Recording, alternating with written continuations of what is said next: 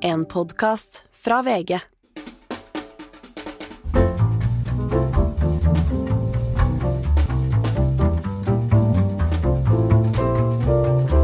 Hei!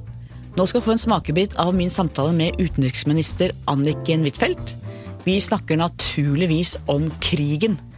Om Russland, eh, om Kina og eh, litt om Europa og EU.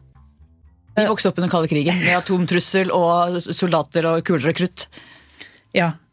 Men så, samtidig så tror jeg nok at hvis du og jeg hadde snakka sammen for et og et halvt år siden, eller rett før krigen i Ukraina brøt ut, da, eh, såpass nære, og du og jeg hadde sittet og analysert hvor, hvor begynner en krig nå, så hadde du og jeg sagt at vel, det kommer til å begynne først i det digitale rom. Det skjedde jo ikke. Det var en helt gammeldags invasjon. Ja. Og det er heller ikke nå, i hvert fall, angrep eh, mot eh, elektrisitetsforsyningene som foregår digitalt. Det er jo gammeldags bombing. Og det kan jo hende det at grunnen til det er at Ukraina har forberedt seg veldig godt, da. Men allikevel så er det ikke alltid da, når en krig oppstår, at eh, de helt nye teknologiene er de som viser seg å da være mest virkning, virkningsfulle. Og sånn kan det se ut for, for Russland akkurat nå. Er det realistisk å tro på full seier for Ukraina? Ja, jeg mener det. Så det også, Men det er ukrainerne som må definere hva det er. også Krim? Mange mener jo at det er Altså, vanskelig. jeg vil ikke gå inn og si hva er det da som de eventuelt da skal eh, godta eller ikke. Det er ukrainerne som må definere det på egen hånd. Så et hvert sånn signal om at hva jeg tror og sånn, ikke sant. Det er ofte vanskelig når jeg får spørsmål. For jeg kan egentlig svare av og til litt mindre enn det kommentatorer kan gjøre, da. Det skjønner jeg. Fordi at det, i det ligger det en slags beskjed da, om hva jeg mener. Sant? Så analysen blir egentlig en beskjed på hva jeg eh, syns sjøl. Så derfor så vil jeg være veldig sånn ryddig på det at det er ukrainerne sjøl som definerer det, og det er de som eventuelt må sette seg ved et forhandlingsbord og komme fram til en løsning. Det svaret skjønner jeg veldig godt. Ja. Men hvis vi virkelig mener at det er avgjørende for Europa og for vår sikkerhet at Ukraina vinner, må vi ikke da tillate Ukraina å bruke alle midler? Bidra til at de får det de trenger, f.eks. også fly? Vi har jo ikke gitt dem alt det de vil ha. Og det var veldig tidlig i krigen eh, hvor de ba om en flyforbudssone. Og det betyr jo da at noen må da håndheve et sånn flyforbudssone, og det ville da vært eh, fly da, fra en del Nato-land. Og det sa vi nei til. eh, fordi det ville jo da innebære at vi ble involvert i krigen. slik at de har jo ikke fått alt det de har bedt om, og det er veldig gode grunner til det. Eh, Så vil jo spørsmålet om eh, fly eh, være på dagsorden. Først og fremst når Ukraina skal bygge opp sitt eget forsvar. For da trenger de fly også. Men foreløpig så har jo ikke krigen foregått da i det domenet, som det heter på forsvarsspråk. Men det har vært Det er viktig da å stå imot på land. Fins det i det hele tatt noe rom for diplomati i den situasjonen vi er i akkurat nå? Det vil jo alltid være det. Har Norge noen rolle i dette, tenker du? Vi har jo tatt side. Veldig mange konflikter i verden hvor vi spiller en upartisk rolle, er jo fordi det er veldig konflikter veldig langt unna oss. Dette er jo veldig nært, og vi har jo tatt side, slik at vi kan ikke være noen slags upartisk tilrettelegger. Sånn situasjonen er nå, men Zelinskyj har jo gitt oss en rolle når det gjelder atomsikkerhet. Så det er jo viktig at vi da Ja, Hva ligger i den rollen når det gjelder atomsikkerhet? Jeg kan ikke gå inn i alle detaljer omkring det, men vi har jo alle interesse av at det er trygghet rundt atomkraftverkene. At ikke det er et, et åsted for krigshandlinger. Eh, Det har jo enorme konsekvenser. Eh, Og der har jo vi samarbeida med Ukraina over mange, mange år.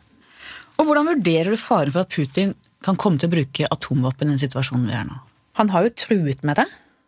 Trusselen er kanskje det mest virksomme mer enn Ja, og faktisk det er å vel bruke det som er noe av poenget, er jo å, å få oss til å føle oss redde, da. Men du ser at den type trussel har blitt tatt noe ned. Og vi ser også at det har vært en del av de samtalene da, hvor eh, Kina har sagt at det ikke skal trues med bruk av atomvåpen. Jeg veit ikke hva som har skjedd på bakrommet mellom eh, den russiske og den kinesiske presidenten. Det kommer sikkert historikerne få vite om i framtida. Men det kan jo se ut til at det har bidratt til å ta ned denne trusselen. Og også blant andre land som kanskje står nærmere Russland historisk sett, så har dette, dette har skremt dem, altså. Det er no go. Så de som har vært såkalt nøytrale ikke sant? Jeg syns det er ganske problematisk å være nøytral i en krig som handler om at du forsøker å grabbe til deg naboens landområde. Til og med de har jo da gått i økende grad ut mot Russland etter at disse atomtruslene kom. Tror du at Putin vil overleve et tap i Ukraina? Det veit jeg ikke. Og hvis ikke, hva da? Nei, det veit jeg heller ikke. Jeg kunne brukt mange ord på å si det, men jeg bare tror jeg sier det sånn rett ut. Eh, fordi at jeg tror eh, Nettopp fordi jeg har studert historie, så er jeg veldig forsiktig med å spå. Det er litt deilig med politikere som sier det veit jeg ikke. fordi at hvis mange skulle sett på krigen i Syria, da, ville vi sagt nå at sitter Assad om, om ti år? Så ville vel de fleste sagt nei, det kan ikke gå. Han sitter der. Så jeg veit ikke hvordan det vil utspille seg, men vi har jo sett at folk som har så totalitær makt som han har, de kan jo bli sittende, eller de kan falle fort. Det er umulig å si. Og hvordan vurderer du de indre forholdene rundt Putin akkurat nå?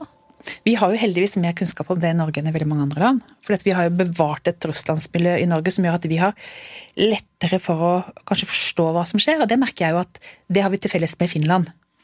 Samtidig så er det veldig, veldig lukka nå. Så det er vanskeligere enn før også for de aller beste russlandsforskerne som sier at jeg har studert Russland i hele mitt liv, men dette klarer ikke jeg å se nå. Fordi at systemet er så lukka, og fordi at vi kan ikke stole på media, vi kan ikke stole på meningsmålinger. Eh, og det kommer veldig lite informasjon ut. Eh, men det kan jo se ut som at han har folk rundt seg som bare forteller han det han vil vite.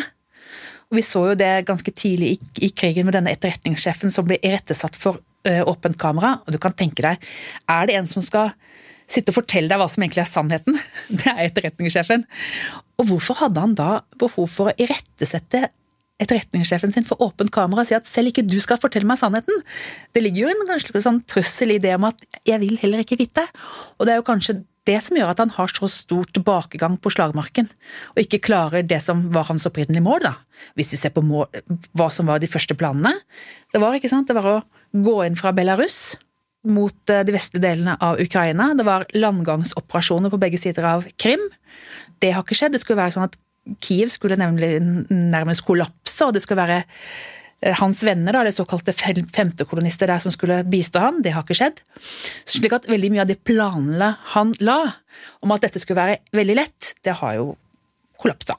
Kanskje da av at eh, tilgangen hans til informasjon har vært så begrensa. Og tenker du at vårt forhold til Russland noen gang kan normaliseres etter det som har skjedd nå? Det syns jeg også er veldig vanskelig å spå. Eh, fordi at det var jo ingen som hadde trodd da at murens fall skulle komme så raskt som den kom, men det skjedde. Og hvis du ser på eh, I år er det 50 år siden eh, Knut Frydenlund ble utenriksminister. Og han skrev jo at Eh, samarbeid mellom Øst- og Vest-Tyskland er viktig, selv om det er ingen som tror på at det blir en gjenforening. Altså, så alle de som har spådd om framtida, da kommer fasit snart. Nå har du fått en smakebit av min samtale med utenriksminister Anniken Huitfeldt. Hele episoden hører du på Podme eller VG+. God helg.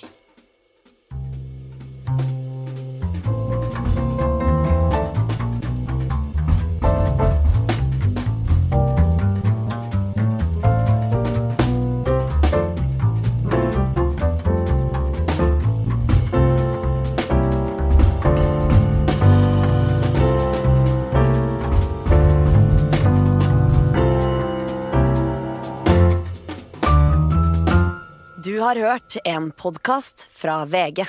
Ansvarlig redaktør, Gard Steiro.